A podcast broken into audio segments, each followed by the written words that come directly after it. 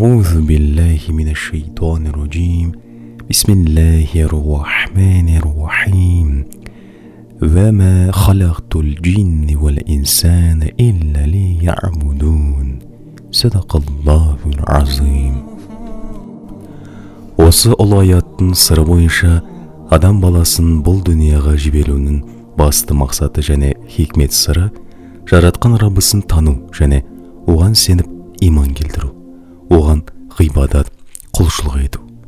Жалпы адамның негізгі міндеті мойнындағы парызы мағрифатулла яғни аллах тану және иманы билля яғни оның міндетті түрде бар әрі бір екеніне шын жүректен сеніп иман келтіру толық мойындау.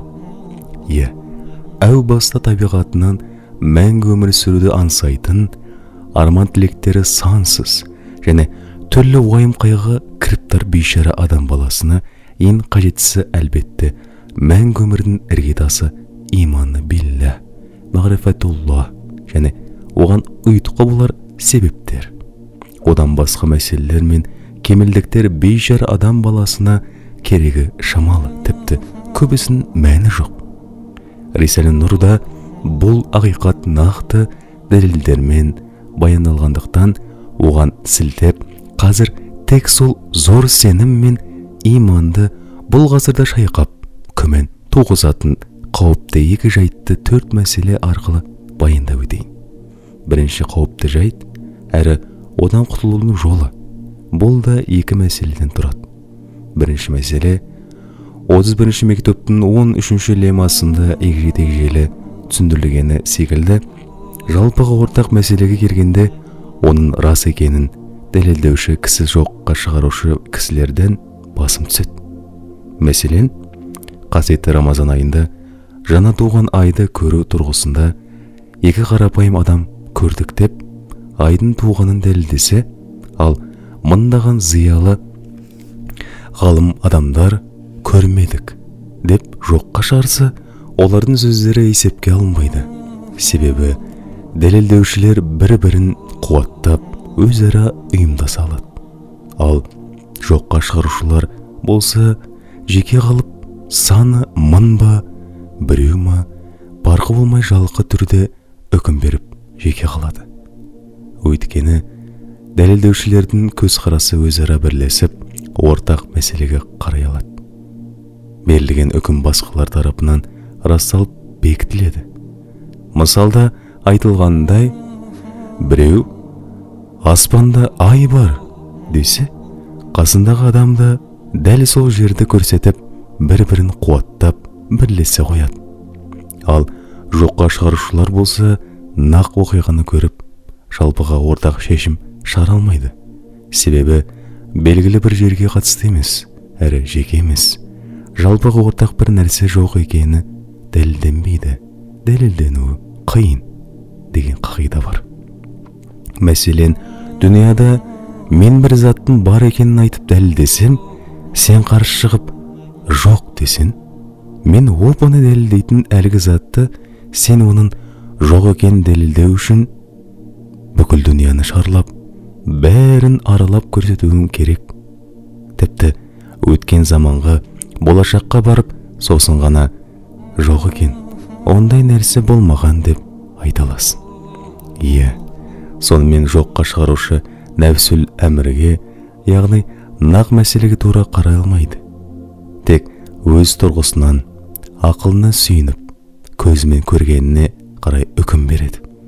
Әлбетте олар бір бірін демеп қуаттай алмайды. Себебі көріп білуіне кедергілер әртүрлі. Әрқайсысы жеке дара мен көре алмай тұрмын менің жағымда жоқ десе де нәпсіл әмірде жоқ ақиқатында жоқ деп айта алмайды айтса әсіресе мұндай жалпыға ортақ бүкіл әлемдік мәселені иман шарттарын жоққа шығарып өтірік десе дүниядай үлкен өтірік айтқан болады ондай күпірлік ұғымды растап дәлелдей алмайды қорытынды бәр нәрсенің бар екенін дәлелдегенде шығатын қорытынды бір болады өзара ұйымдасып тұтас бір нәтиже береді. Ал жоққа шығарғанда қорытынды біреу емес бірнеше болады олардың әрқайсысы мен жақта жоқ менің ойымша жоқ дейтіндіктен нәтиже әркімге әрқалай болады. Қорытындының саны көбейіп кетеді. Әрине бір бірін қуаттап бірге алмайды. Енді осы ақиқатқа қатысты айтарым иманға қарсы шығатын кәпірлер мен құдайға сенбеушілердің саны көп болып сырттай басым көрінуі әсте қорқынышты мәселе емес әрі иманды жандардың наным сеніміне әсте шәк келтірмеу керек. Өкінішке орай қазіргі таңда европа философтарының иман шарттарын жоққа шығаратын атеистік көзқарасы кейбір батыс құмар бейбақтардың иманын зақымдап күмәнға салып о дүниядағы мәңгі бақытынан айыруда күн сайын 30 мың адамды алып кететін өлім мен ажалды тура мағынасынан тайдырып яғни ол құрметті демалысқа шығару бола тұра мәңгіге жоқ болу жойылу бейнесінде көрсетіп жұрттың зәресін алып үрейін ұшуда. Ауызы бір жабылмайтын қабірді де мағынасын мүлдем өзгертіп дарағаш суретінде көрсетіп өмірдің ләззатын бұзып уайым қайғыға салуда. Иә имандылық неткен қымбат нығмет өмірдің мәні үлкен сый десеңізші. Екінші мәселе. Қандай да бір ілім не бір өнер саласында бір мәселе туындаса сол саланың тысындағы ол іліммен қатысы жоқ ғалым ғұламалардың үкімдері айтқан сөздері жүрмейді. Өз саласындағы адамдар ғана үкім береді. Мысалы атақты бір инженер медицина саласында бір науқас адамды емдеуге келгенде жай бір ауыл дәрігері құрлы бір үкім шығара алмайды. Сол секілді материяға әбден тұншыққан руханияттан жұрдай нұрдан алыс ақылы көзінде яғни тек көзбен көргеніне ғана сенетін атақты бір философтың атеистік көзқарасы оның дінге қайшы пікірі руханият саласында мүлдем назарға алынбауы тиіс. Ешқандай қадірі болмау керекті. О ғажап! Өзі жерде тұрып ағзам ғарышты тамашалаған. Зеректігіне шек жоқ. 90 жыл руханиятта дамып кемелденген. Имани ақиқаттарын ғылыми түрде дәлелдеген. Тіпті көзбен көргендей тіпті хақ әл яқин түрде растаған. Шейхі гейләни радиаллаху анху сынды жүз мың ақиқатшыл жандар бір ауыздан растаған тәухид жайлы аллахтың бір екені жайлы рухани мәселе келгенде әлгі материяға әбден беріліп ең ұсақ бөлшегіне шейін еніп есінен адасқан философтардың ойдан шығарған дінсіз ұғымдарының ешқандай мәнісі жоқ. Түкке тұрғысыз сандырақ. Ислам ақиқаттарына қарсы шығатын күпірліктің мән мағынасына келелі болсақ ол бір надандық бар нәрсеге сенбеу айқатты қабылдамау. Сырттай қарағанда бір дәлел бір ілім секілді көрінгенімен ақиқатында әншейін бос болымсыз нәрсе надандық. Ал иман болса ол ілім болымды нәрсе әлі дәлел. Белгілі бір үкім нақты қарар. Оның жоққа шығарған мәселесінің өзі дәйекті бір ақиқатты сәуле шуағы. Егер иманға қарсы келіп дауласатын кәпір мәселені қиындатып өзінің болымсыз әрі бар нәрсеге сенбейтін көзқарасын растап былай десе сендер айтып жүрген нәрсе жоқ. Мен оны дәлелдеп беремін десе мұндай күпірлік белгілі бір мағынада бұрыс ілім қате түсінік теріс ұғым. Негізсіз үкім болып саналады? Ал егер бұлай десе мен бұл айтқандарыңды қабылдамаймын сенбеймін. Мұндай кәпірлік оңай әрі ол қою надандық және қарарсыздық болып саналады. Сонымен күпірлік екі түрлі болады. Біреуі ислам ақиқаттарына атүсті қарап мән бермейді. Өзіне тән қалыптасқан қате түсінігі бар. Соны ғана мойындайды. Бұрысты қабылдап қойған. Енді одан бас тартпайды. Бұл залым көзқарас. Мұндай күпірлік біздің тақырыбымыздан тыс. Олардың бізбен шаруасы жоқ біздің де олармен. Екіншісі имани айқаттарға қарсы шығып дауласады. Мұндай пікірдегілер екі топқа бөлінеді. Біреуі ақиқатты қабылдамайтындар дәлелдесең де мойындамайды. Бұл надандық әрі қарарсыздық. Мұндай кәпірлік оңай. Бұл да біздің тақырыбымыздан тыс. Екіншісі жоқ екенін қабылдап бұрыс екенін жүрекпен бекітеді. Күпірліктің бұл түрі үкім әдейі берілген қарар. Солай екеніне илану болғандықтан мұнысын дәлелдеуге мәжбүр. Жалпыға жоққа шығару құдайға сенбеу екі түрге бөлінеді. Біреуі белгілі бір жерге қатысты. Әрі оған өз жағынан қарап жоққа шығарады. Мұндай жоққа шығаруды өзінше дәлелдеуге болар. Бірақ ол біздің тақырыбымыздан тыс. Екіншісі бүкіл әлеммен қатысты. Жалпы дүнияға уақытқа ақыретке байланысты. Имани киелі жалпыға ортақ күллі мәселелерді күпірліктің мұндай түрі бірінші мәселеде баяндалғанындай ешбір тұрғыдан дәлелденбейді дәлелдеу мүмкін емес ол үшін бүкіл әлемді қамтитын ақыретті көретін шексіз уақыттың әр тарапын ішіне алатын ауқымы шексіз назар қажет сонда ғана мұндай күпірлік дәлелденген болады енді бұл заманда екінші қауіп қатер және одан құтылудың жолы мұны екі мәселе ретінде қарастырамыз. Әуелі ғапылдықтан немесе күнә істеуден немесе материяға әбден берілгендіктен ақыл таязданып ауқымы тарылады да әлгіндей шексіз ұлық мәселелерді түсіне алмай өзін ғалым санап руханиятты бар нәрселерді жоққа шығарады.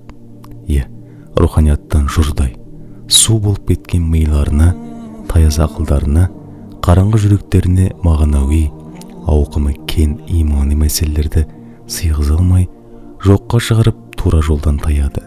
Адасып кәпір болады ақырында өзін жоғалтып алады егер адам өзінің кәпірлік ұғымына оның астарына адасудың не екеніне бір сәт үніліп қараса имандылықтың ақылға өте сай көңілге өте қонымды да орынды екенін аңғарып керісінше күпірліктің мүлдем қисынсыз ақылға қайшы екенін білер еді. Рисали нұр жүздеген тенеу тәмсілдермен салыстыра отырып бұл ақиқатты екі жердегі екі төрт болатындай анық дәлелдеген болатын. Айталық аллах тағаланың ешқандай шартсыз себепсіз бар екенін жалғыздары әрі әзәли мәңгі екенін оның ұлық есім сипаттарын қабылдамаған адам иә барлық нәрсеге тіпті саны шексіз зәрелерге құдайлылық киелі сипаттарды беруге мәжбүр болатынын немесе ақымақ софистаи ағымы секілді өздерінің болмысын һәм әлемнің болмысын жоққа шығарып ақылдан мүлдем бас тартулары керектігін нақты түрде ортаға қояды. Міне имани ислами ақиқаттар таза жүректерге түзу ақылдарға өзіне тән ұлықтығымен толық әрі сенімді түрде қонып орналасады. Әйтпесе адам ақылға сыймайтын аңыз ертегілерге иланып қою қараңғы надандыққа салынады. Иә азан намаз секілді ислам дінінің дәстүрлерінде жиі кездесетін аллаху акбар аллаху акбар аллаху акбар аллаху акбар аллаху акбар сөзі аллахтың ұлықтығы мен шексіздігін көңілге қондыру үшін сондықтан әрқашан жиі қайталану керек сондай ақ العظامة إزاري والكبرياء رداي деген киелі хадистің бұйрығы هم جوشان الكبير حتى عصا كلمة Muhammedi sallallahu aleyhi ve sellem Necat'ın 86. tarmağında Yemmel la mulke illa mulke Yemmel la yuhsil ibadu thanâhu Yemmel la tasifu el khala iqu celalahu Yemmel la yenalul evhamu kuha من لا يدرك الأبصار كماله يا من لا يبلغ الأوحام صفاته يا من لا ينال الأفكار كبرايا. يا من لا يحسن الإنسان نعاته. يا من لا يرد العباد قضاءه يا من زحار في كل شيء إياده سبحانك يا لا إله إلا أنت الأمان الأمان نجنا من النار деп жаратқан иемізді өте көреген түрде сипаттаған кезде ағзамет ұлықтық пен киберия шексіз алыптық өте орынды перде екенін байқаймыз